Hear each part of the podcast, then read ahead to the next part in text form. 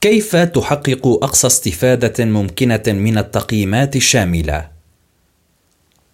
يمكن أن تكون التقييمات الشاملة التي تجرى عبر الإنترنت أو القائمة على المقابلات الشخصية أدوات قيمة تتيح للقادة الحصول على تعليقات لن يتمكنوا من الحصول عليها بطريقة أخرى.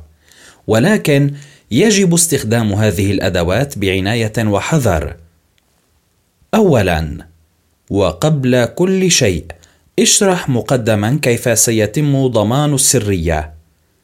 إذ يمكن أن يلتزم زملاء العمل الصدق والصراحة بدرجة أكبر إذا علموا أن تعليقاتهم لن تنسب إليهم. ومن المهم أيضا التأكيد على مدى أهمية توخي الصراحة وأنه لا ينبغي القلق بشأن زعزعة ثقة الموظف بنفسه. لأن التعليقات يجب أن تكون بناءة. يجب أيضا توخي الشفافية فيما يتعلق بالغرض من إجراء هذه التقييمات.